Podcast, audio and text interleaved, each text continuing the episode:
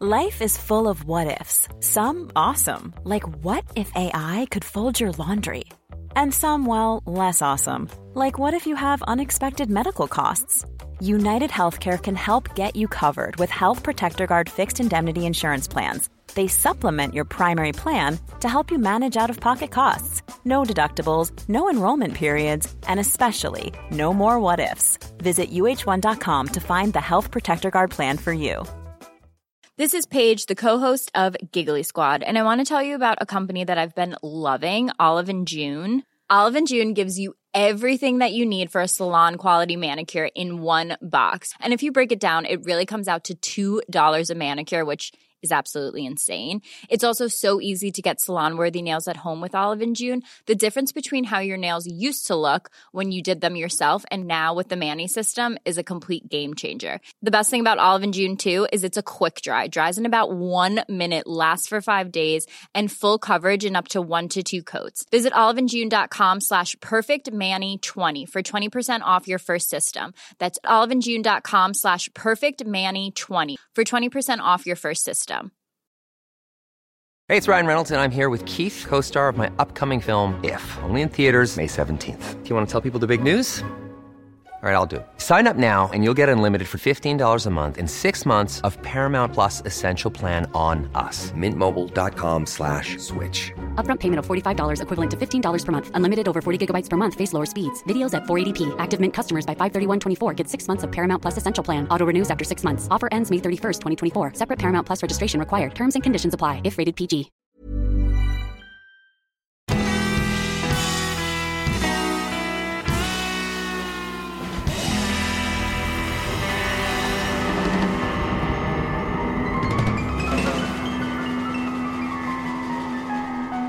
Hej allesammans och välkomna tillbaka till ett nytt avsnitt av Ståpäls. Och idag så är det ju som vanligt jag, Ida och på andra sidan luren så har jag ju Lukas. Ja, Som alltid. som alltid. Det är alltid vi två. Det blir, det blir alltid lika kul när, när man eh, ska försöka eh, så här spruce up the intro och så blir det att man säger något jättekonstigt och bara Ja. Man bara idag så är det... Ja, idag så är det vi. Det är det alltid. ja. Det är, så är det varje gång. ja. Ja. Nu var det ett nytt avsnitt. Mm, men hur är läget? Du, sa att det var mycket på jobbet och sådär. Ja. Nej men jag är trött skulle jag säga. Trött och... ehm, jag vet inte, typ så här, Du vet när man är lite irriterad för att allting är bara så här... Lite så. Ehm, Man är lite less helt enkelt. Ja, det har varit fullt upp på jobbet idag. Lite rörigt, lite... Ja, jag vet inte riktigt. Känns som att eh, barngruppen har varit lika rörig som vi så att det är väl därför. Eh, Men ja, nej, det... Jag vet inte. Det är som det är, helt enkelt. Ja. Ja, är det själv? Eh, det är bra. Eh, jag kämpar fortfarande med den här... eh, Vad det nu är, med nästäppa och det här. Ja, Jag vet- och jag har ju jag vet. hosta. Ja, men alltså jag vet inte vad det här är. Jag, det liksom går inte riktigt åt något håll. Så att jag vet Nej. inte. Det är så jag börjar undra om det är någon blomma jag har köpt som jag är allergisk mot. Men jag har liksom köpt en, en strelitzia som är bara en, en blomma med gröna blad. Och sen har jag köpt en rosenkalla. Och jag har aldrig reagerat på någon kalla förut. Nej, nej jätte- det jag tycker vet jag, väl inte. att det borde vara. Men jag men- har ju jag har ju också reagerat, alltså jag har ju varit täppt hemma hos er och ni har ju inte en sån. Så att, Nej, nej, nej. Det har vi ju inte. jag vet att- inte, det är nej. nog någonting som ligger och pyr. Ja, men jag har också känt det mm, om jag nu får gå tillbaka till vad jag, hur jag mår. Ska jag? eh, nej men att jag var ju sjuk för typ fyra, fem veckor sedan är det väl tror jag. Då när jag hade feber och var jättehostig och dan. Sen var jag lite hängig veckan efter och sen mådde jag bra typ en vecka. Och sen nu senaste typ en och en halv, två veckorna så har jag haft hosta morgon och kväll. Som inte ger med sig. Ehm, och sen när jag vaknar på morgonen så känner jag att jag är typ sjuk. Men sen under dagen så går det bra och sen kommer jag hem och så känner jag typ att jag typ ja, men så här feberkänsla men jag har ingen feber. Och så börjar jag hosta. Och så är jag så varenda dag. Ja, men det måste ju vara att du, du mår sämre för att du blir trött. Ja, jag tror det. Eh, men det är, det är också nog någonting som ligger och pyr. Det kanske inte är så konstigt att jag håller på så himla Nej. länge. Utan då är det någonting.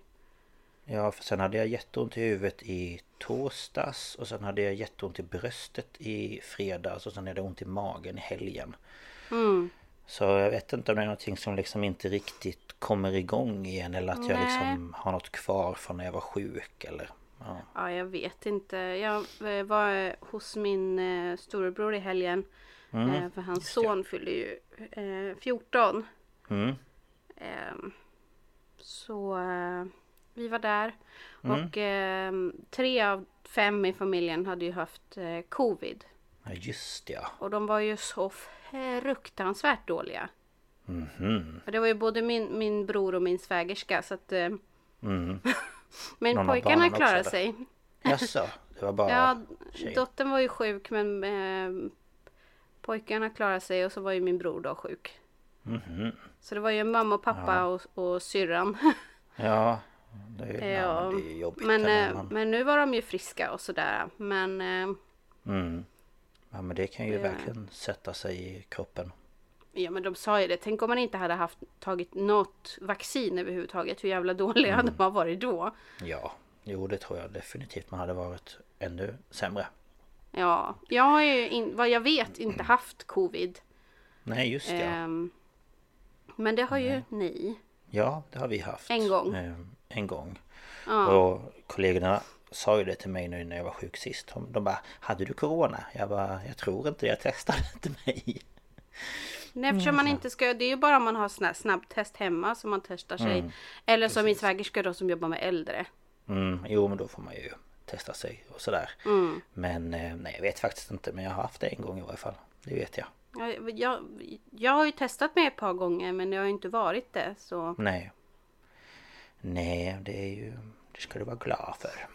Ja. Men sen så Mhm. tror jag att det, det, det utdraget på mig också är ju för att jag har ju massa Det har ju börjat hända lite grejer eh, kring mig.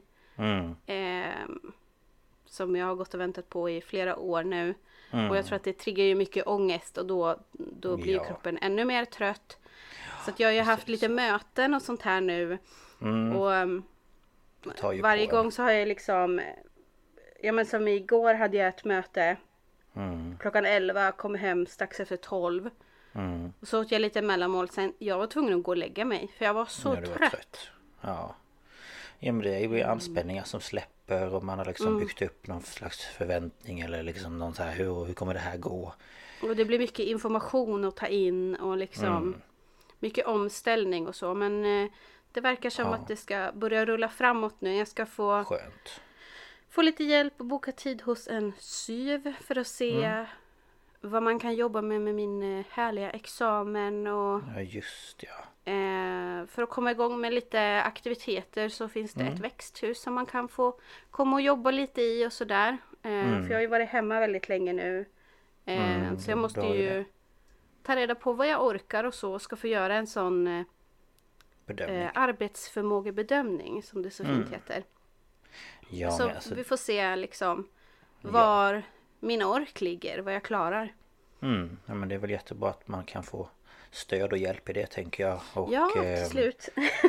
Ja, till slut efter några x antal år känns det som. Mhm. Ehm, Men eh, jag tänker att den utbildningen du har tycker man ju egentligen inte borde vara eh, Alltså så någonting att slänga i sjön bara för jag tänker det, det finns ju ja, men med språk och med text och med översättning och med Ja så att ja jag vet Mm. Ja, inte men, det är väl det hon, eh, min eh, stödperson då eh, hon sa att hon kan följa med för att hon själv har ju pluggat mycket och hon är inläst och sådär. Och, och Mm. att vi ska då se till exempel översättning. Är det någonting jag behöver komplettera i min utbildning så ska, Mm. jag göra, så ska vi ta reda på hur och sådär. För att alltså jag har ju försökt söka på en, alltså det är ju sån soppa. Och så när man Ja. har en sån jag har ju inte en specifik utbildning utan jag har ju en kandidat i nordiska språk bara. mm, Alltså det är ju ingen sån här, jag har inte en kandidat i översättning. Eller Nej, kandidat i liksom något mer, som du har ju en, en kandidat som lärare. Ja, ja men precis och då kan vi Ehm. jobba som det liksom Ja precis, min är ju Mm. lite mera lös i kanterna och då blir det ju ännu svårare. Mm. Ja, men det är ju så med många sådana ämnen och liksom Oftast är det att man måste utbilda sig vidare eller att man liksom måste liksom, vad heter det, man måste mm, eh, Inte avhandling, jo men vad heter det? När man liksom gör en djupare doktorand Ja, men en uppsats eh, tänker du på, uppsats. eller? Ja, Mm. att du måste liksom forska inom någonting inom det ämnet Mm. För att du ska kunna liksom jobba med det menar jag Ja, nej, vi får väl se vad som Mm. sägs. Ja, det låter bra tycker jag Att det är på gång Ja. Mm. ja, men eh, det, det blir mycket i huvudet liksom. Kanske många kan såklart. känna igen sig i. Det tror jag nog Ehm, Även en annan som har ett jobb och sådär kan man ju känna ibland att huvudet bara... Och så kanske nu då som eh, om du går en kurs och jobbar, då ska hjärnan jobba med kursen och jobbet och liksom Mm. Jo, jag gör ju det också. Ehm, Mm. Men det, ja, det kan nog bli bra den kursen. Jag, går, jag läser ju på en kurs på universitetet som är för förskollärare, undervisning Mm. i förskolan. Ehm, Så att den kommer nog ge mig en hel del. Bara första Det dagen var ju väldigt eh, intressant så att Mm.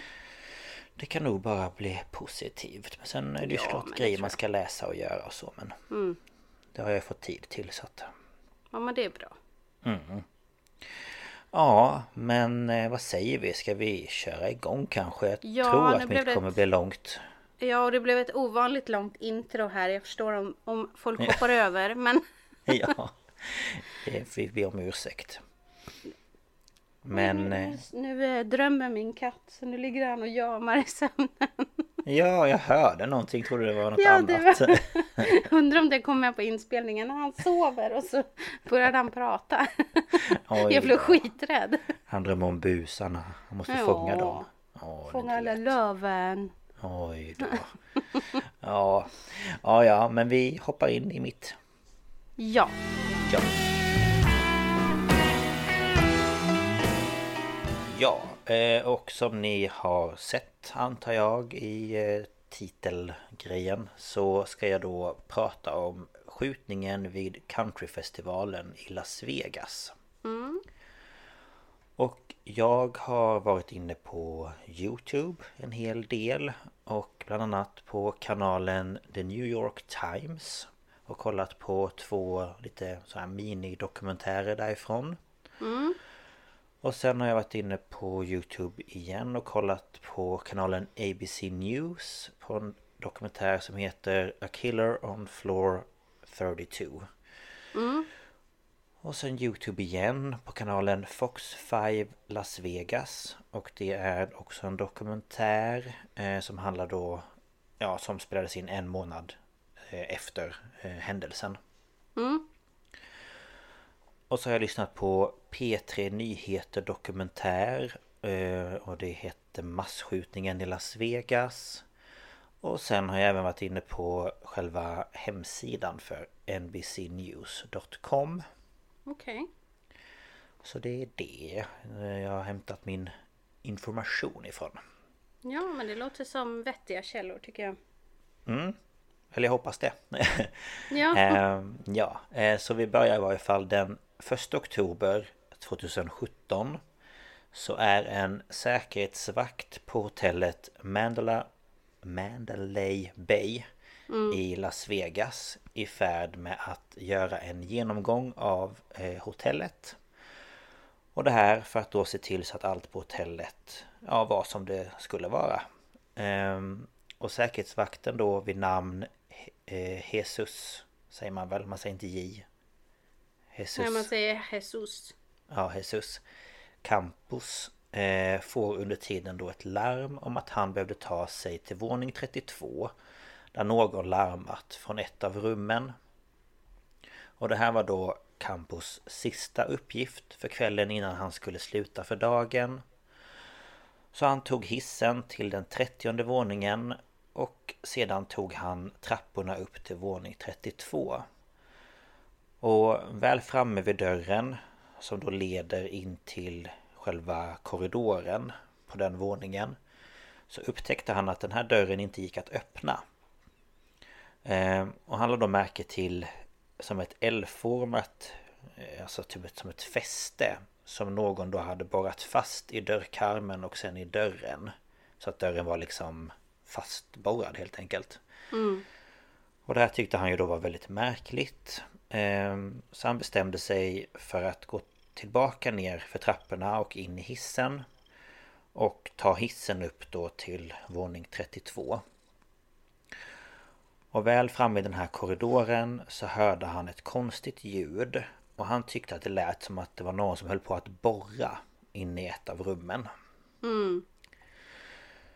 Eh, Och på andra sidan gatan från hotellet då så pågick musikfestivalen Route 91 Harvest. Och den här festivalen den gick av stapeln första gången år 2014 och sista gången den hölls var då det här året 2017. Visst, det- Vilket datum var det, var det du sa att det här var? Första oktober. Första oktober. Ja. Ja. Det Och är festivalen- nästan exakt på årsdagen nu då. Ja, typ snart nästan. Ish. Vi ligger några Ehm. veckor efter bara. Vad sa du? Vi ligger någon vecka efter. Ja, någon vecka efter, ja precis. Och den här festivalen det är ju som sagt då en countryfestival. Och artister som till exempel Blake Shelton, Miranda Lambert, Keith Urban, Tim McGraw och Brad Paisley har uppträtt där. Och det är ju artister som jag tycker om i varje fall. Ja, ja. Mm. Och den här kvällen den 1 oktober 2017 så hade precis artisten Jake Owen spelat klart och Jason Aldean hade då klivit på scenen. Och han började då spela och någon minut senare vid klockan 10.05 så hörs då detta.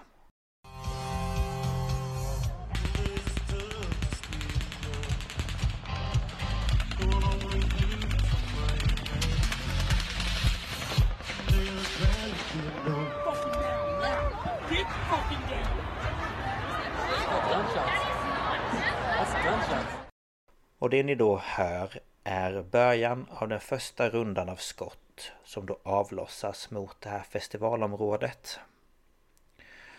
Och det här fick då artisten då Jason Aldean att springa av scenen och människorna i publiken förstår först inte vad det är som händer.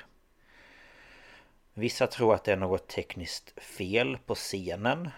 Eh, till exempel att de skulle använda sån här pyroteknik. Mm. Som inte då fungerade som den skulle. Och andra trodde att det handlade om fyrverkerier. Medan då vissa förstod på en gång att det handlade om en skottlossning. Ja. Och efter att man då analyserat videoklipp som filmats under kvällen så har man kommit fram till att under de första ungefär 40-50 sekunderna så har det avlossats ungefär 100 skott. ja, det är brutalt mycket alltså. Ja, och då är det här första rundan av 12 eller 13 gånger som han skjuter. Ehm, och människorna på området, de hade nu såklart drabbats av panik eftersom ingen visste varifrån skotten kom. Och de såg även människor runt omkring sig då bli träffade och vissa då föll till marken. Och eftersom ingen visste varifrån de här skotten kom så började alla springa åt olika håll för att då försöka ta sig ut ur området. Och samtal till 911 strömmade in och på bara någon minut så hade de fått in 32 samtal från olika personer på det här området. Och det är ju det som är fördelen nu för tiden med mobiltelefoner. Ja, Folk verkligen. kan larma på ett helt annat sätt. Ja, ja, ja, ja. Det är ju... Alltså förr i tiden förstår jag, då fick de väl typ springa till polisstationen. Ja, men alltså det var ju liksom närmaste fasta telefon bara.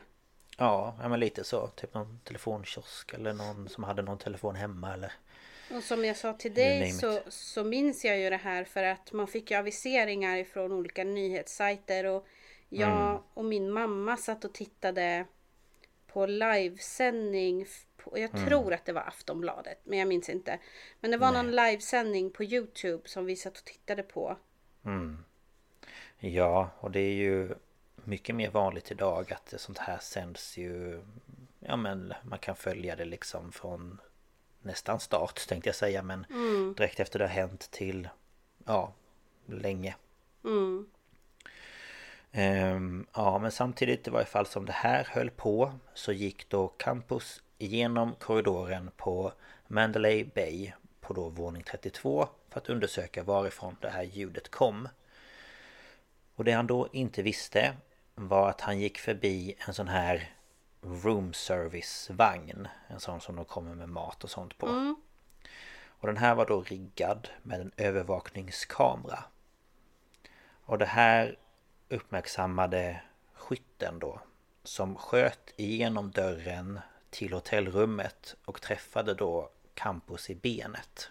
Nej men gud! Ja. Och han tog då skydd bakom en smal vägg som var då bred nog att han fick plats. Och om du mm. tänker när man är på hotell så brukar ju väggen vid dörren, alltså dörren in till hotellrummet, går ju in en liten bit. Ja. Oftast. Så däremellan kunde han gömma sig, liksom bakom den lilla väggen. Och eh, där då säger han över radion att han har blivit skjuten och att han behöver hjälp. Mm. Och skytten vänder sig sedan tillbaka mot festivalområdet igen och börjar på nytt avlossa fler skott. Och det avloss, avlossas ungefär ja, men typ 200 skott, 250 skott under de kommande fyra minuterna. Alltså det är... Det går inte att ta ja. in riktigt. Nej, alltså det smattrar ju typ hela tiden. Mm. Ehm, och nu har polisen då börjat komma till platsen och de första som kommer dit är Las Vegas Metro Police. Och det är liksom typ, eh, vad ska man säga, som en ortspolis. Alltså i den staden. Ja. ja. De har ju inte riktigt, de har inte riktigt eh, polis på samma sätt som vi har. De har ju liksom innerstadspolis och sen ja. länspolis. Ja men lite så. Att det är liksom ja, vi har väl också liksom att man är ansvarig för eh, Ja men vi har ju till eller... exempel polisen i Uppsala. Men ja. det gäller ju inte bara Uppsala stad. Nej utan det är ju Utan det gäller ju region. snarare Uppsala län. Och liksom mm. eh, Vi har ju liksom inte polis Uppsala innerstad. Nej, nej det Som det här då är. Precis. Ehm, så att ja de här är i varje fall bara för själva Las Vegas då. Mm. Men de hinner dock inte mer än ut ur sina bilar innan de då behövde söka skydd för att inte bli träffade. Så de gömmer sig då bakom sina bilar och försökte lokalisera varifrån skotten kom. Ja, det kan ju inte tiden... vara så jävla lätt. Nej, gud, inte som det ekar och har sig. Och under tiden så var det då en av poliserna som träffades av ett skott. Och det här fångades då av polisens kroppskameror. Och här kommer då ett klipp på på det. Officer Brady Cook is shot. The moment captured on another officer's body camera. We're going down!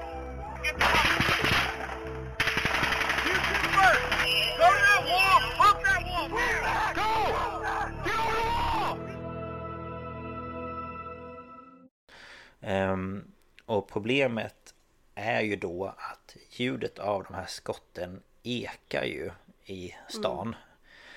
Mm. Ehm, och personer då från olika hotell ringer in och berättar att det är skottlossning där också. Mm. Och det här gör ju då att larmcentralen får in en massa olika uppgifter varifrån den här skjutningen pågår. Ja, så det finns ju liksom inte bara ett höghushotell i Las Vegas. Nej, det är ju det verkligen inte utan det är eh, många i liksom närheten. Mm. Och det här gör ju då också att poliserna börjar inse att det kan ju handla om flera personer som är mm. liksom delaktiga i det här. Och två minuter efter att första skotten avlossas så har eh, säkerhetsvakterna på deras kontor då som ligger bredvid Mandalay Bay fått rapporter då om att eh, ja, att det här pågår eh, vid den här konserten eller festivalen. Mm. Och på deras kroppskameror samt övervakningskameror kan man då se hur vakterna går mot en av utgångarna på hotellet då de då tror att personen som avlossar skotten är utomhus. Och samtidigt som det här då pågår så håller Steven Schuck som arbetar som tekniker på hotellet på att åka hissen upp till 32 våningen. Och det gör han då eftersom Campus tidigare hade meddelat att det satt fast det här L-formade fästet på dörren. Så han ska ju dit och se varför sitter det här. Och Steven då, han hörde även han konstiga eh, ljud som han då trodde kom från en typ slagborr eller som en borrhammare. När han då klev ur hissen på den våningen.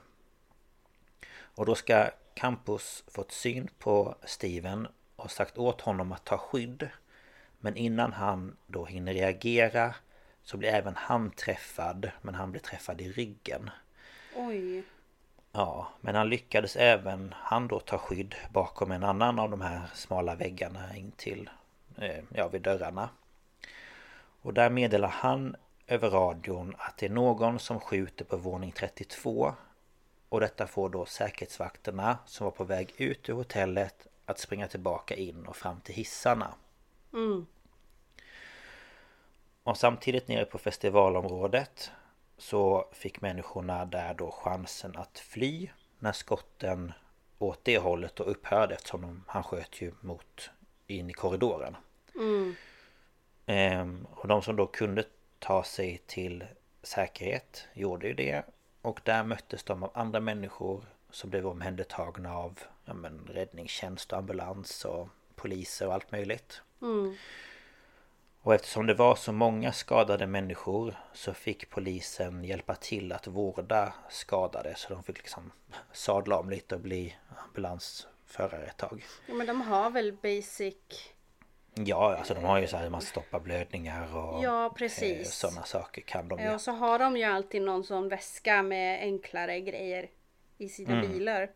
Mm, Ehm, ja, men, så ja, att de ska kunna dels ta hand om varandra, sig själv och då... Mm. Ja. För de, som de är ju de som kommer till bilolyckor eller vad som helst. De är ofta först på plats liksom. Ja, ja men det, polisen kan ju liksom grundläggande men inte mer liksom så här. Ja men andra saker Mm. Men så visst, men visst är det ändå så att du kanske kommer till det men alltså festivalområdet det var ju inte jättenära men heller inte skitlångt bort men det var ändå en bit var det inte det? eh, jag tror om jag inte jag har läst helt fel så är det ungefär från eh, fönstret där han sköt ifrån ner till området så tror jag att det var någonstans mellan typ vad var det? Typ 250 350 meter. Något sånt Ja där. om man tänker alltså Visst moderna skjutvapen eh, har ofta mycket kraft men det är ändå en jävla bit alltså.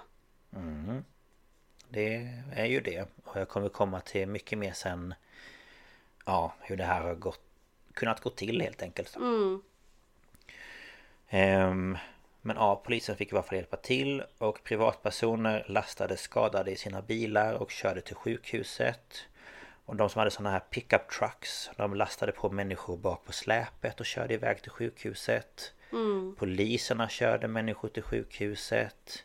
Samtidigt som poliserna då försökte hålla de som var oskadda lugna och bara det här kommer vi fixa, ta det lugnt, bla bla. Så det var mycket som hände liksom. Ehm, och två poliser som är med i dokumentären A Killer on Floor eh, 32 Berättade att deras skift började som ja, alla andra skift Och Richard Cole, en av poliserna Var under kvällen ansvarig för sin aspirant Brandon Engström Och han arbetade sin andra dag som polis Wow. Ehm, Vilken ja. start på karriären alltså. Verkligen. Ehm, och efter en stund så kunde de då över radion höra ljudet av skottlossning och förstod snart att det var en pågående skjutning vid Mandalay Bay. Så de körde därför dit och började då hjälpa alla de kunde. Och plötsligt så fick de syn på en man som heter Frank eh, Calzadias Som arbetade som polis men som den här kvällen var på festivalområdet och var liksom ur tjänst. Alltså han var där, ja, privat. Och han Ja, kom då okej. bärandes på sin fru eh, Giovanna och bad om hjälp då hon hade blivit träffad av ett skott i huvudet. Åh herregud. Ja. Så Richard och Brandon förstod på en gång att det var väldigt kritiskt så de hjälpte då till att köra eh, de här båda då till sjukhuset. Och under tiden som de då är på väg till sjukhuset så fick de över radion höra att en kollega blivit skjuten. Och det här var en person som Brandon då gått sin utbildning som polis med. Och den här polisen var då den som blev skjuten i det här klippet som jag spelade upp för ett tag sedan. Okej, så han var också ny då? Ja, så precis som för Brandon så var det även hans andra dag på jobbet. Ja, fy fan. Alltså man tänker ändå en rutinerad polis, en sån här händelse, även om de inte blir skjutna, skulle kunna göra att de slutar. Ja, ja, Men ja. ja. förstå då en som är alldeles ny. Det blir ju antingen att de blir så här, nej det här kommer inte jag klara av. Eller att det blir så här, det här är sånt jag vill förhindra Ja. i framtiden. Och att det liksom bolstrar deras vilja att, att fortsätta som polis. Men det kan ju gå åt vilket håll. Och speciellt han som blir skjuten, han kan ju verkligen bara fuck no. ja, ja Och så förlorar ja. de liksom en polis. Ja, ja, alltså det vet man ju inte det. Och sen kan det ju vara att man känner en viss sak till en början och sen blir det liksom... Ja, men chocken kommer senare helt enkelt. Ehm, Fy alltså. ja, nej, det är galet. Eh, Men väl framme vid sjukhuset i varje fall så hjälpte de alla tre att bära in Giovanna till akutmottagningen. Och de här poliserna berättar i den här dokumentären att det var Alltså det var blod över hela henne när de kom fram. Ja. Och både Richard och Brandon de hade ju också blod överallt. Men de var ju bara tvungna att åka tillbaka till området igen. Utan de tvättade av sina händer och sen stack de liksom. Och samtidigt som detta pågick då så hade då Steven och Campus eh, larmat polisen som nu strategiskt höll på att söka igenom hotellet. Och polisen gick igenom våning för våning och genomsökte alla rummen. Och eh, de evakuerade alla 1400 gästerna ner till entrévåningen. Och nu hade det passerat 10 minuter sedan de första skotten avlossades. Och Alltså, nu hördes... Det är ändå mycket som händer på kort tid. Ja, visst är det. Det, men det låter ju som att du, du berättar flera timmars liksom händelser. Ja, ja, nej, men nej, det, ju det liksom- går så sjukt fort. Ja, det är bara fram och tillbaka hit och dit. Alltså så mycket som händer på bara typ 10 minuter. Ja.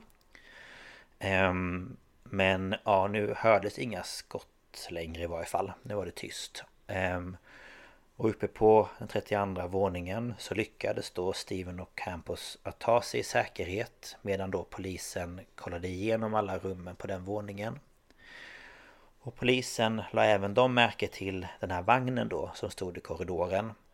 Och man började misstänka att det kunde vara en bomb placerad under den här duken som hängde ja över det vagnen. hade nog jag tänkt.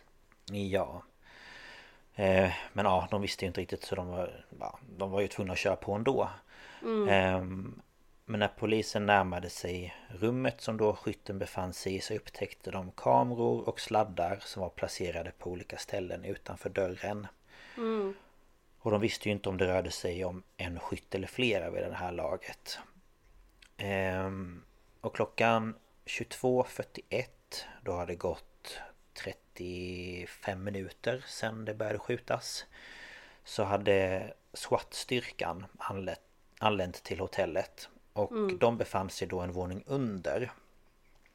Och därifrån så tog de sig upp för trappan och fram till den här dörren då som hade det här ja, fästet som var fastborrat.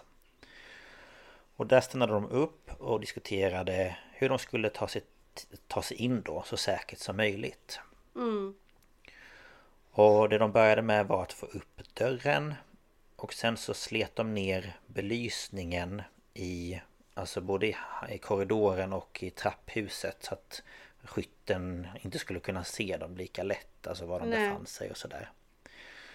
Och efter det så riggade de dörren med sprängämne och så sprängde de upp dörren för att de då skulle kunna ta sig in. Och rummet det var en av hotellets eh, sviter. Och det var då placerat på hörnet av hotellet så att fönstren då var riktade mot festivalområdet. Mm. Och inne i rummet så hittade de då skytten och han var ju då död.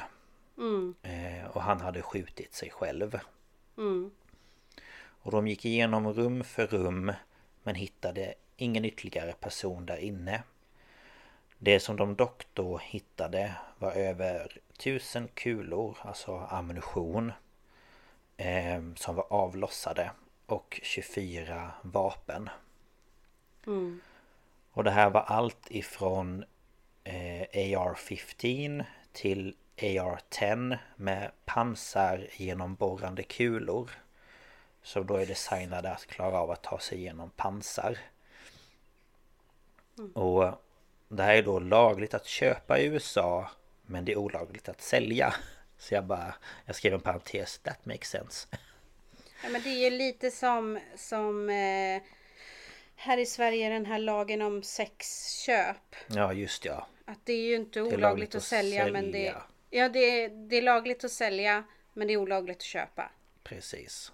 Ja, Fast tvärtom. så där är det lagligt att köpa men det är olagligt att sälja. Precis. Ja. Så det blir ju lite paradoxalt. Mm, jo men lite så. Ehm, men trots då att han hade avlossat över tusen kulor ammunition så hade han ytterligare 5000 kulor i rummet som inte var avlossade. Mm. Så att ehm, ja, han hade nog tänkt hålla på lite längre helt Ja, enkelt. det tror jag ju. Men vem var då skytten? En Ehm, skitstövel. Vad sa du? En skitstövel. Ja, precis. Tack, då var vi klara för dagens avsnitt. Ja, det var allt för idag. Tack och hej. Nej. Men eh, ja, han hette i alla fall Steven Paddock. Och eh, han föddes i Clinton, Iowa i USA år 1953.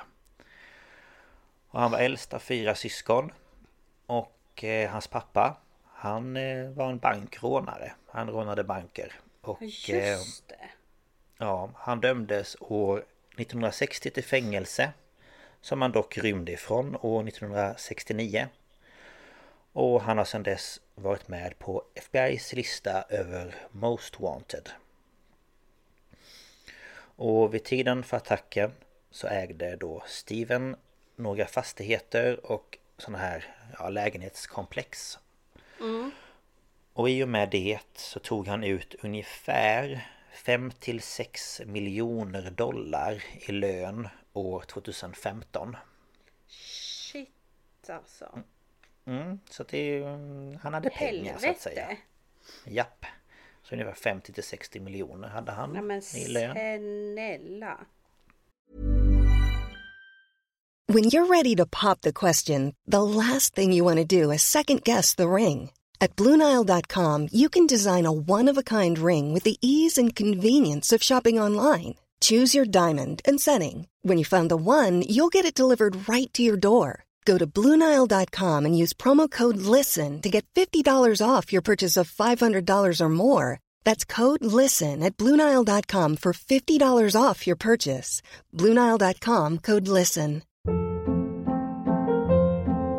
Hold up. What was that? Boring. No flavor. That was as bad as those leftovers you ate all week. Kiki Palmer here, and it's time to say hello to something fresh and guilt-free. Hello Fresh. Jazz up dinner with pecan-crusted chicken or garlic butter shrimp scampi. Now that's music to my mouth. Hello Fresh. Let's get this dinner party started. Discover all the delicious possibilities at hellofresh.com.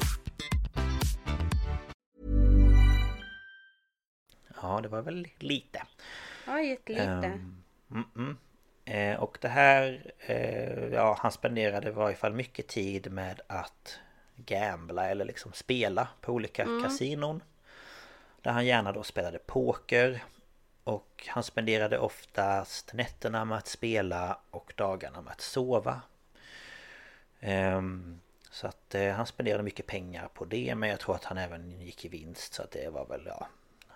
Ja, hade jag haft tjänar man 60 50 miljoner så... Ja, alltså då är det ju en droppe Ja, det- i havet känner jag. Ja men lite så. Ehm, ja och den 25 september år 2017, alltså in då innan attacken. Så anlände Steven till Mandalay Bay där han då gick till VIP-incheckningen och checkade då in på en svit då på våning 32. Och samtidigt som han då checkade in där så bokade han även ett rum bredvid som han då checkar in på fyra dagar senare. Okej. Och efter att han då checkade in utan några väskor vill säga, han liksom behöver bara han. Ehm, så tog han sig till sitt rum där han spenderade en liten stund och efter det gick han ner till restaurangen där han åt mat. Och det här kan man ju följa övervakningskamerorna. Mm. Och vid ungefär klockan fem på kvällen kan man då på övervakningskamerorna se att han kommer körandes i sin bil till hotellet. Där en ur personalen, alltså en sån där carrier eller vad heter det? Sån som hjälper en att bära väskor. Eh, portier. Ja, så heter det, tack. Ehm, hjälper då honom att lasta på fem resväskor på en vagn. Och Steven ska då ha sagt att han ville följa med när de lastar av väskorna. Så han följer då med personalen genom den här serviceingången och in i hissen och vidare då till rummet. Och han stannar därefter i sitt rum i fyra timmar. Och lämnar sedan hotellet igen och då har han med sig två resväskor som man förmodar är tomma. Okej. Och han sätter sig då i sin bil och kör en timme till sitt hem i Mesquite i Nevada då. Där han, ja, där han bor, det är hans hem. Ehm, och där spenderar han då natten samt stora delarna av tisdagen. Och ungefär klockan åtta på kvällen så återvänder han till Las Vegas. Och där stannar han till vid The Ogden. Och det är ett lyxigt typ lägen eller så här bostadskomplex i downtown Las Vegas. Eh, Där man kan hyra rum och grejer. Ehm, För det visade sig nämligen att han även hyrde ett rum här eh, under hela veckan. Och att han då hade checkat in där fredagen innan. Eftersom det hölls en annan festival där som heter Life is beautiful. Och polisen har senare hittat information som visar att han sökt upp liksom information om den här festivalen och vilka artister som skulle komma dit och ja, sådär. Och det man dock inte vet är om den här festivalen användes som ett sätt då för honom att planera och undersöka hur han skulle gå tillväga eller om det var så att det här var liksom en möjlig måltavla. Att han först hade tänkt att han skulle göra det här men att det ja, kanske var någonting som inte blev som han hade tänkt eller ja. Men den skulle vara på, den var på samma plats eller? Eh, Den var... Jag kommer, vi kommer lägga upp en karta tänker jag Där man ser sträckan mellan. Men det är liksom på Las Vegas Strip eller vad den heter Okej, Alltså huvudgatan. Så det ligger liksom Mandalay Bay ligger längre ner och sen är det lite högre upp i stan då som det här stället ligger Så att det är på samma gata men en bit ifrån varandra Okej. Ja. Ehm, och sen då senare på tisdagen så anländer han återigen i sin bil då till Mandalay Bay. Och denna gång så är det då en annan ur personalen som hjälper honom. Och nu har han med sig sju resväskor. Som de då tillsammans tar till hans svit. Så nu har han alltså totalt tagit dit 12 väskor. Varav två har han då tagit med sig tillbaka. Och man vet ju inte om de här väskorna nu har tagits tillbaka igen till hotellet eller om han har lämnat dem någonstans. Men alltså det är ingen som reagerar över det när han checkar in? Nej, och det är det jag kommer komma till sen för att det är många som har frågat sig hur det här har gått till. Men ja, jag, jag kommer berätta lite mer om det sen. För samtidigt ska man ju också tänka Alltså Hotellen har väl ingen Ingenting att göra med hur mycket packning man har men Nej, så är det ju också. Men eh, ja... ehm, ja, jag kommer till det. Eh, men efter då eh, att väskorna hade tagits till rummet så gick han ner till kasinot och där spelade han i åtta timmar. Åh, alltså tills nästa morgon. Ja. Och han var då ofta på det här hotellet och besökte deras kasino och många av de som arbetade där visste vem han var och brukade prata med honom och ja men så här liksom småprata lite och Ja, men han blir ju lite stammis. Dels, dels att han är där ofta och sen så spenderar han ju mycket pengar. Ja. Då gäller det att se att de är trevliga och... Precis. Så att ehm, ja, han, de kände igen honom och man kan se på övervakningskamerorna att de står och pratar och han skrattar och det är ja men Ja, som, som vem som helst liksom. Och under onsdagen så spenderar han eh, hela dagen inne på sitt rum fram tills då på kvällen när man då kan se honom lämna hotellet igen med två resväskor. Och han sätter sig då i sin bil och kör till The Ogden där han då stannar en stund och sedan kör han hem till Mesquite. Och på torsdagen så åker han till en butik som säljer vapen och där köper han en Bolt Action Rifle, alltså ett gevär. Och det här är ett gevär som på svenska kallas för cylinderrepeter eller repetergevär. Som då har ett slags kikarsikte på, typ som eh, vad heter det, folk som jagar, alltså jakt, eh, sånt gevär köper han. Och efter att då ha köpt det så åker han till en närliggande skjutbana för att sedan köra tillbaka till hotellet.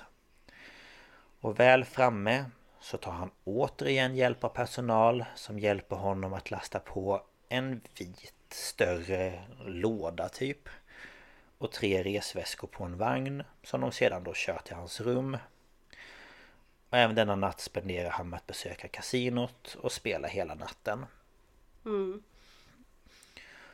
Och nu har det då blivit fredag och klockan åtta på kvällen så öppnades då entrén till countryfestivalen. Och eh, Steven var då på sitt rum till ungefär klockan tre på natten.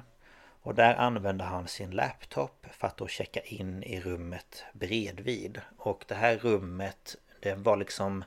Du kunde gå in i rummet från korridoren men det var även en dörr emellan sviten och det här rummet. Så det var som ett angränsande rum Ja, så som man, man kunde liksom- hyra till om man Ja, så att behövde. man får typ som en, som en större svit liksom. Ja, precis. Nästan så, att det blir som en lägenhet typ. Ja, ja gud ja, det är stort så att ja. Ja. Ehm, och för att då kunna göra det här så använder han sin flickväns namn. Och han säger även åt städarna att lämna kvar den här eh, room service-vagnen utanför.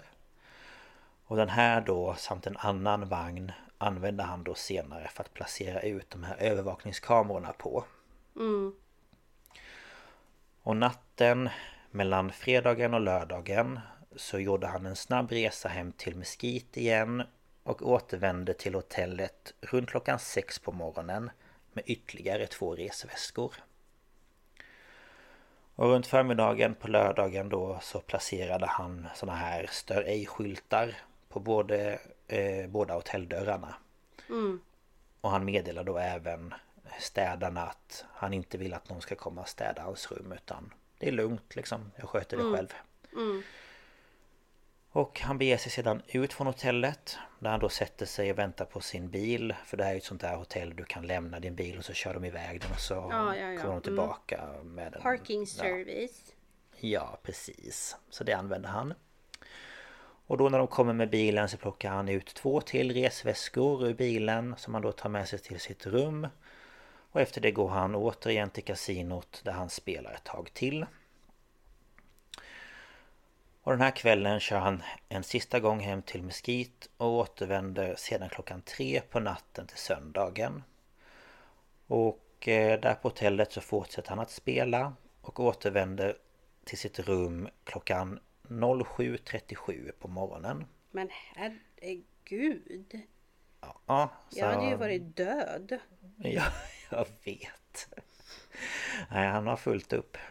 Ehm, Men det dröjer sedan till klockan 20 över 12 på natten eh, Tills vi då ser Steven igen Och då är han på väg till garaget Och han återvänder snart till entrén av hotellet igen Och har då med sig två resväskor till Men herregud, hur många väskor har karln egentligen? Ja det kan man undra Men nu i varje fall så har han fört in 21 resväskor Nej, på sitt rum snälla rara. mm. Så det är inte en eller två Det är 21 resväskor Men herregud. Ja. Ja. Och klockan 21.36 så låser han dörren in till sviten för sista gången och fyra minuter senare så kliver Jason Aldean upp på scen på festivalen. Samtidigt som det händer så låser Steven dörren in, alltså det andra rummet. Och sedan klockan 10.05 så börjar han skjuta ner mot området. Mm. Och under loppet av 10 minuter skjuter han mer än 1000 skott. Och han dödar 59 människor och skadar mellan 800 till 1000 personer. Alltså det, jag kommer ihåg det här när man såg de här siffrorna. Mm. Hur det bara ökade med, med skadade och de här död, antalet döda bara. Mm, jag vet. Och av de här 800 till 1000 personerna så är det ungefär 400 av de här som har blivit skjutna men som inte har liksom blivit träffade på livshotande ställen utan kanske i ett ben eller i en arm eller i... Ja, lite så. Och det här är då den dödligaste massskjutningen i modern historia i USA. Och eh, i flera dagar efter händelsen var det som att tiden vid festivalområdet stod stilla. Och under tiden arbetade polisen och andra med att då få en överblick över ja, hur stor den här katastrofen var. Och poliserna Richard och eh, Brandon som jag pratade om De återvände som sagt till festivalområdet Efter det att de hade varit vid sjukhuset eh, med eh, Frank och Giovanna Och där letade de då efter personer som gömt sig eller var skadade Och efter det spenderade de resten av det här arbetspasset som de eh, var i eh, Att vaka över personer som dött Tills dess att de då kunde köras till bårhuset. Mm. Och efter arbetspasset var klart så återvände de tillbaka till sjukhuset. Och där tittade de till sin kollega. Eh, som då hade ja, klarat sig. Samt då den här kvinnan som då hade träffats i huvudet. Och de trodde inte att hon hade klarat sig. Så de kontaktade personalen vid traumaavdelningen. Och de berättade att hon befann sig på intensivvårdsavdelningen och att hon hade överlevt. Och det var ju en jävla tur. Ja, verkligen. Hon är med i den här dokumentären också och pratar om hur ja, tacksam hon är. Och Och, hon fick ingen bestående, alltså hjärnskada eller? nej, alltså om jag förstod det rätt. Nu såg man ju bara hennes ansikte framifrån. Men man, det ser ut som att hon har blivit träffad på typ hö, alltså höger sidan av kinden och in i liksom... För att den sidan var liksom... Läppen var liksom lite uppåt mot... Alltså lite sned. Eh, så att, Okej, som att, ja. ja. Så jag tror hon träffades liksom rakt in i kinden eller någonting. Okej. Ja. Ja, då kanske den missade hjärnan. Ja, jag tror det i varje fall. Eller om den, ja. Men hon kunde prata och sådär i varje fall så att... Ja. Ja, det är ju fantastiskt.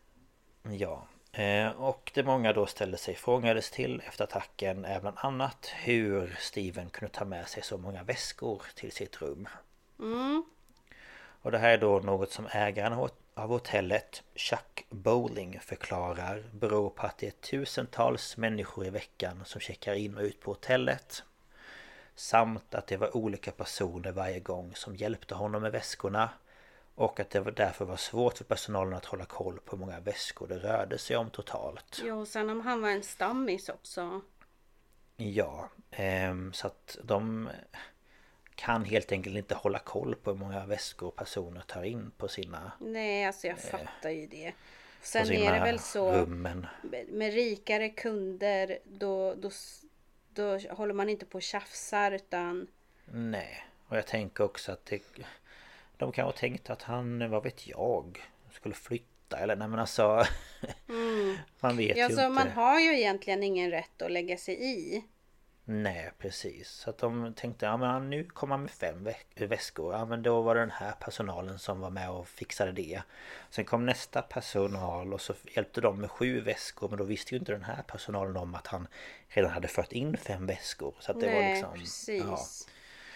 Men efter attacken i varje fall så har hotellets säkerhets, äh, säkerhet förbättrats. Och idag så görs slumpmässiga kontroller av de personer som checkar in. De kollar liksom igenom väskor och lite sådär.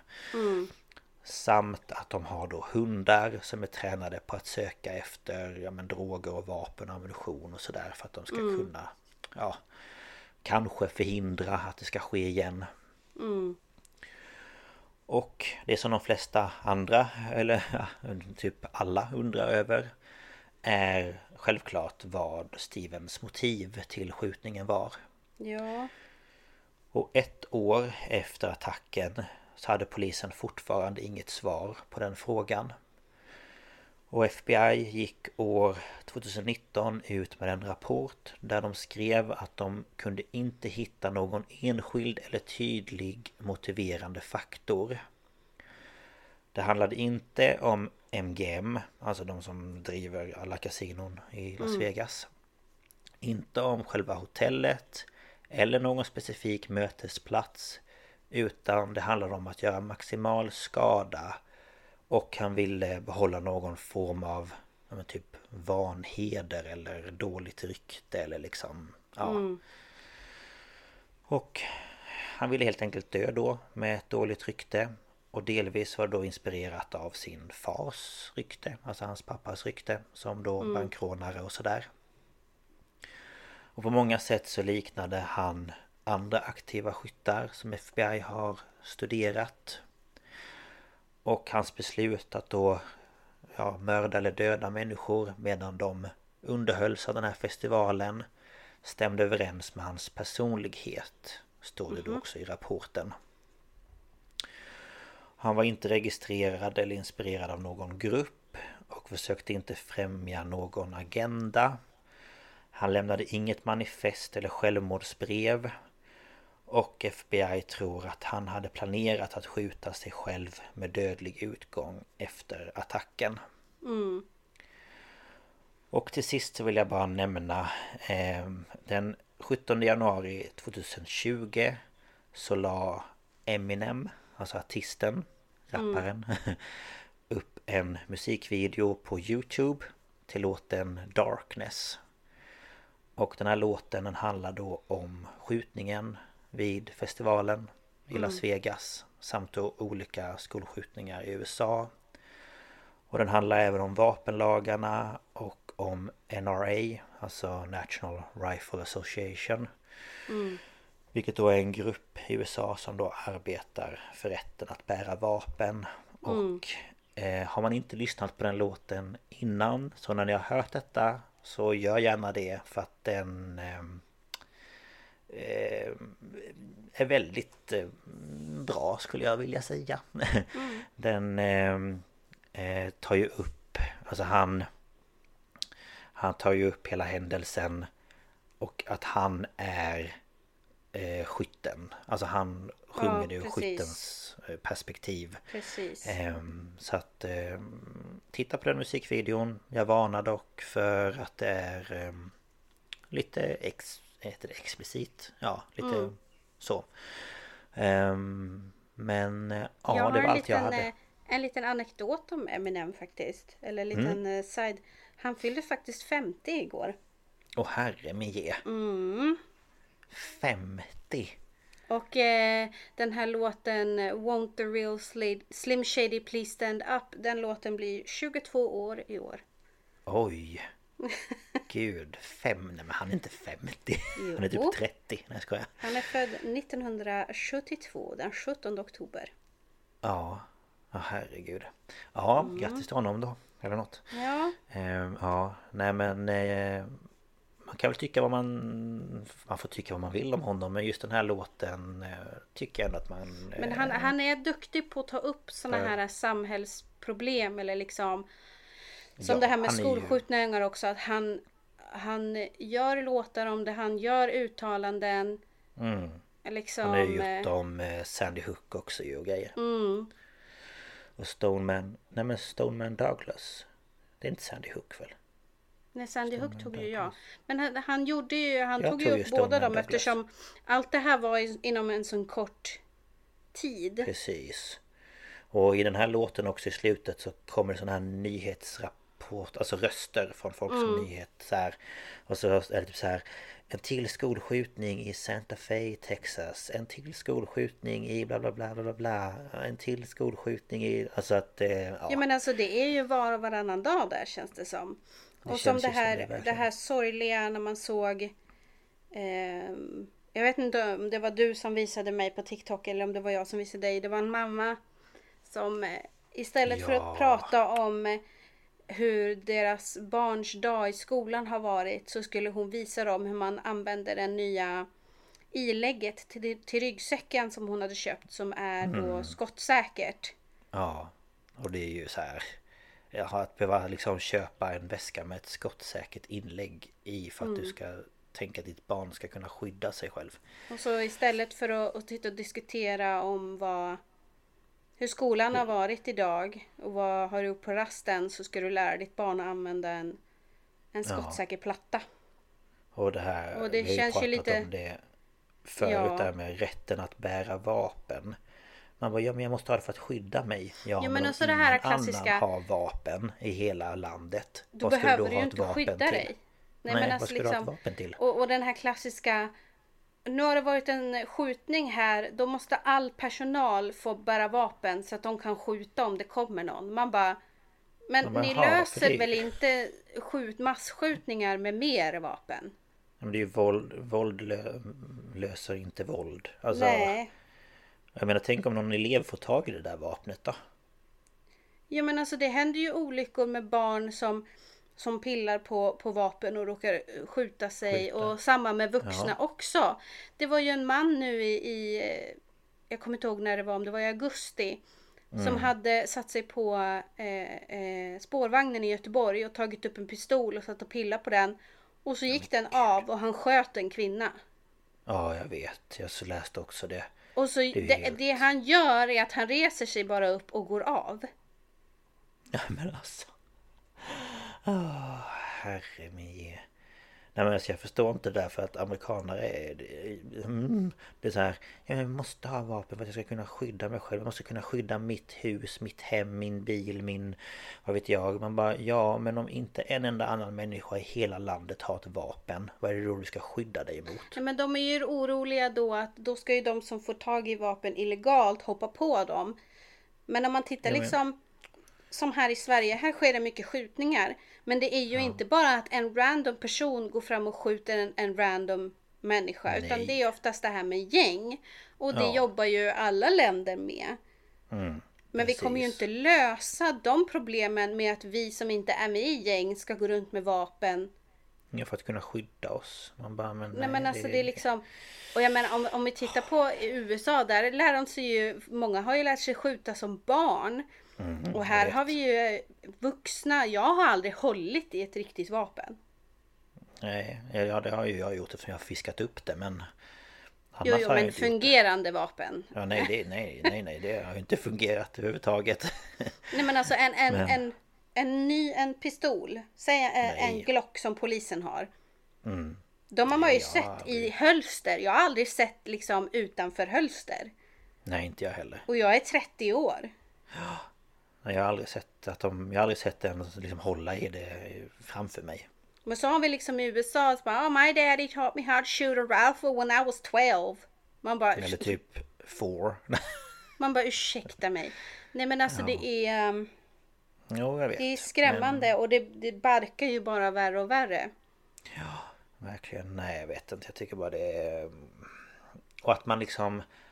Att han, som nu Steven eh, Paddock, att han kunde, att han fick köpa och inneha 24 Alltså det är liksom Ja men det är det också.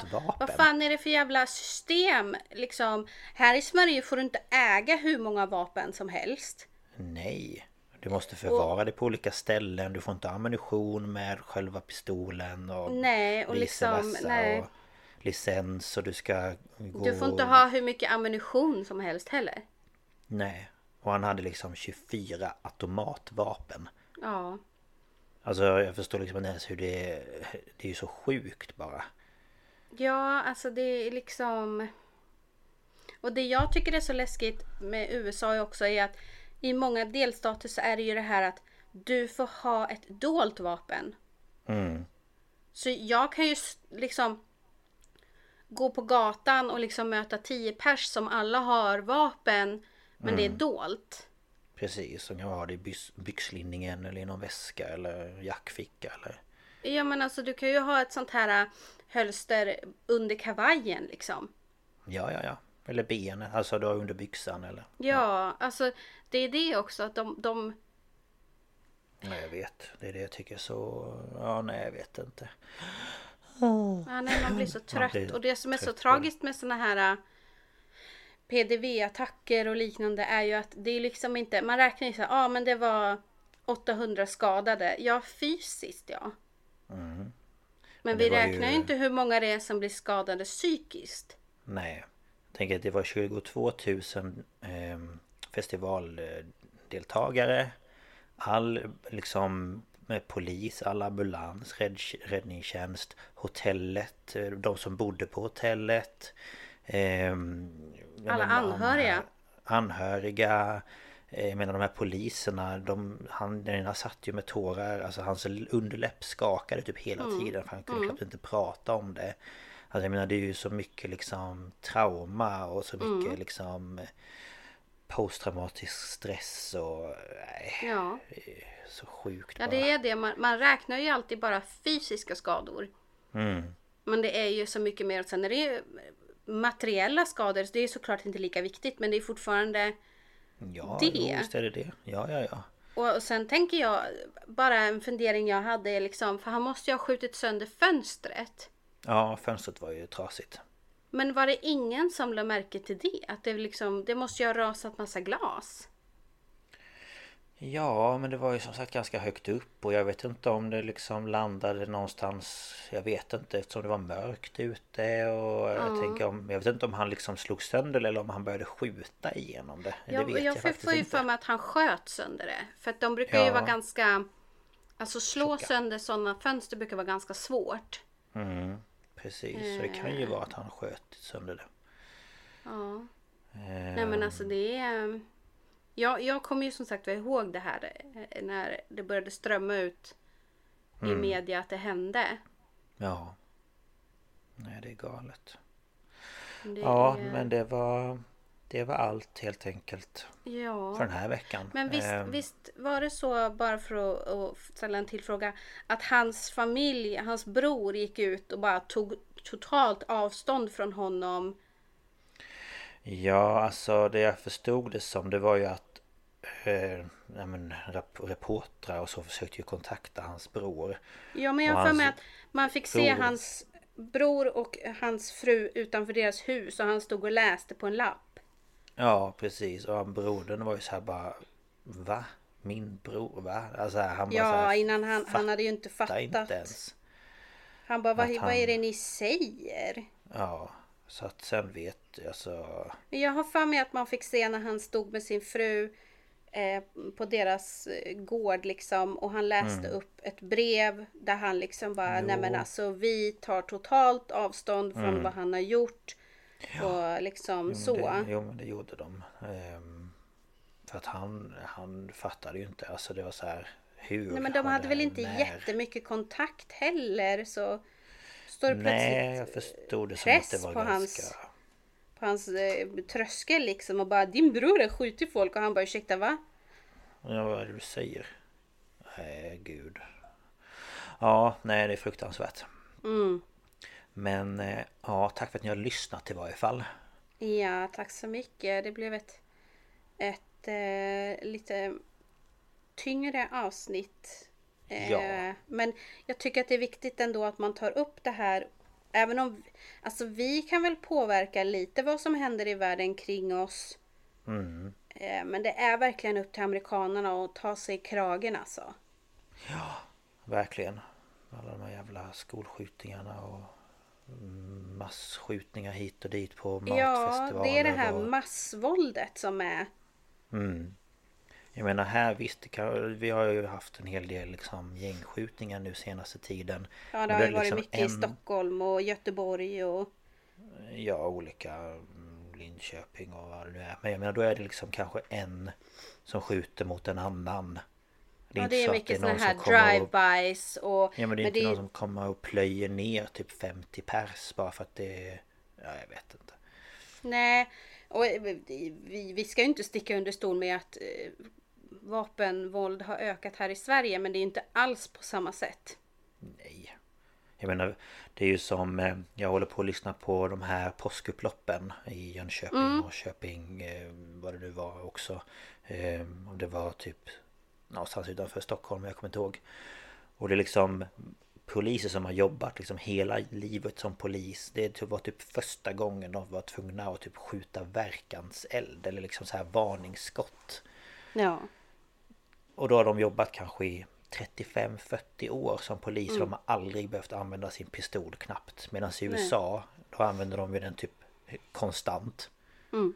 För att de vet aldrig om den personen de stannar för en trafikkontroll eller, eller den de ska gå in till eh, Om de har fått ett larm till ett hem Om den bär pistol eller ett eh, Nej, alltså jag tror våra poliser är ju snarare med när de går in i en osäker situation är ju snarare, de är ju mer vana eller vad man ska säga är väl fel ord men de har mer rutin med att se om det finns stickvapen. Ja, och sen visst att de har kanske, de kanske liksom tar upp vapnet, håller det liksom i handen men de behöver ju aldrig använda det. Nej, Nej. för det, det väger tyngre här. Vapen är mer förknippat med Död? Nej men men, nej, men det, det är liksom mer för, det är inte förknippat med säkerhet här. nej, Det är inte det. nej. det, det är ett försvar, det är ett, ett jag menar, vapen, men det, det är något Mm. att skada någon annan med. Mm, precis. Det är ju inte, om någon säger vapen, pistol till mig, så är inte det första jag tänker på, åh, skydda mig. Nej. Utan, akta mig. Ja men precis. Jag måste springa ifrån. Mm. Ja, nej, det är väl... ehm, ja, det är som det är. Jag vet inte riktigt hur man ska få de där höga hästarna i andra länder att fatta. Men det... Ja, gör de kanske aldrig. Nej, jag tror ty- tyvärr inte det. När det Nej. gäller USA. Eh, Nej. De är väldigt obstinata när det gäller vissa Men saker. är inte det typ... eh, Det är inte First Amendment. Det är väl typ Fourth eller typ Fifth eller någonting som är att du har rätten att bära vapen. Det är ju deras grundlag typ. Är inte second. Ja det kanske det är. Ja men typ och man bara ja men det grundades typ på 1800-talet eller någonstans. Ja, alltså The Declaration of Independence skrevs väl på någon gång på 1800-talet. Det var ju Benjamin Franklin och dem. Mm. Alltså om man Så tänker att- USA är ju ett väldigt ungt land. Det bildades väl liksom som land på 1790-talet. Ja, jo så är det ju. Och man bara, ja men ni kan ju inte ha grundläggande rättigheter som gällde på 1790-talet. Nej men det är det jag menar. Alla andra har liksom förändras ju. hoppat lite förbi det. Ja. Ja. Ja, nej. nej. Nu åker jag inte. Nu. Jag skojar. nu måste vi gå och äta mat. Ja, nu ska vi äta mat ja. Nej precis. Ja, men, säger eh. Ja. Han har hoppat upp i mitt knä och bara, när ska du prata klart? Slutar aldrig prata ju. Nej. Men eh, ja, men som sagt tack för att ni har lyssnat. Tack och tack. Eh, Nästa vecka är det Idas tur. Får se vad hon har att bjuda på för något spännande. Ja, det blir ju lite kopplat till Halloween då. Ja, just ja. Ehm, Det blir bra. För att det närmar sig. Mm. Så eh, var kan man nå oss någonstans förresten? Det får vi inte glömma. Ja, det är ju de vanliga ställena. Vill man skriva något lite längre går det bra på mail och det är staphalspodcast.gmail.com Eller så går man in på Instagram och skriver staphals eller ståpäls. Och så kan man trycka på följ där. Eh, och där kan man skriva meddelande eller kommentera på ett inlägg. Och vi lägger ju upp bilder som, eh, ja men som Lukas nu sa att han skulle lägga upp eh, en karta. Mm. Och lite, Och lite sådär. andra bilder också. Mm. Så att eh, om man liksom vill ha en sån överblick över saker eller om vi säger liksom, ja men han såg ut som en riktig jävel, jag lägger upp bild. Då kan ni gå in Mm. och titta där. Ja, precis. Så får man lite, ja men man får liksom en annan bild av det hela. Ja, men det kan, kan behövas ibland att man får det där visuella också. Ja. Gud min hals. Eh, Ja, nu har du pratat eh, på. Ja. Men ha det så bra allihopa. Ha det bra så hörs vi nästa vecka. Det gör vi. Hej då! Hej då!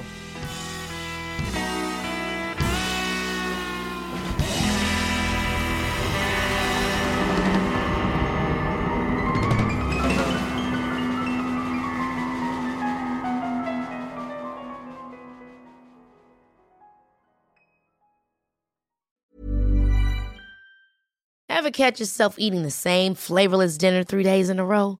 Dreaming of something better? Well, HelloFresh is your guilt-free dream come true, baby. It's me, Gigi Palmer. Let's wake up those taste buds with hot, juicy pecan-crusted chicken or garlic butter shrimp scampi. Mm. Hello Fresh.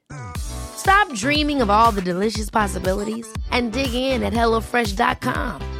Let's get this dinner party started.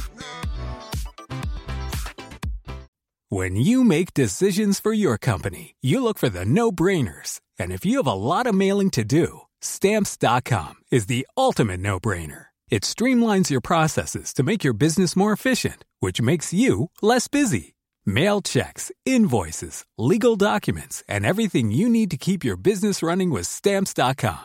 Seamlessly connect with every major marketplace and shopping cart. Schedule package pickups and see your cheapest and fastest shipping options from different carriers with rates up to 89% off USPS and UPS rates. And with the stamps.com mobile app, you can take care of mailing and shipping wherever you are. Make the same no-brainer decision as over 1 million other businesses with stamps.com. Sign up with code program for a 4-week trial plus free postage and a free digital scale. No long-term commitments or contracts. That's stamps.com. Code program.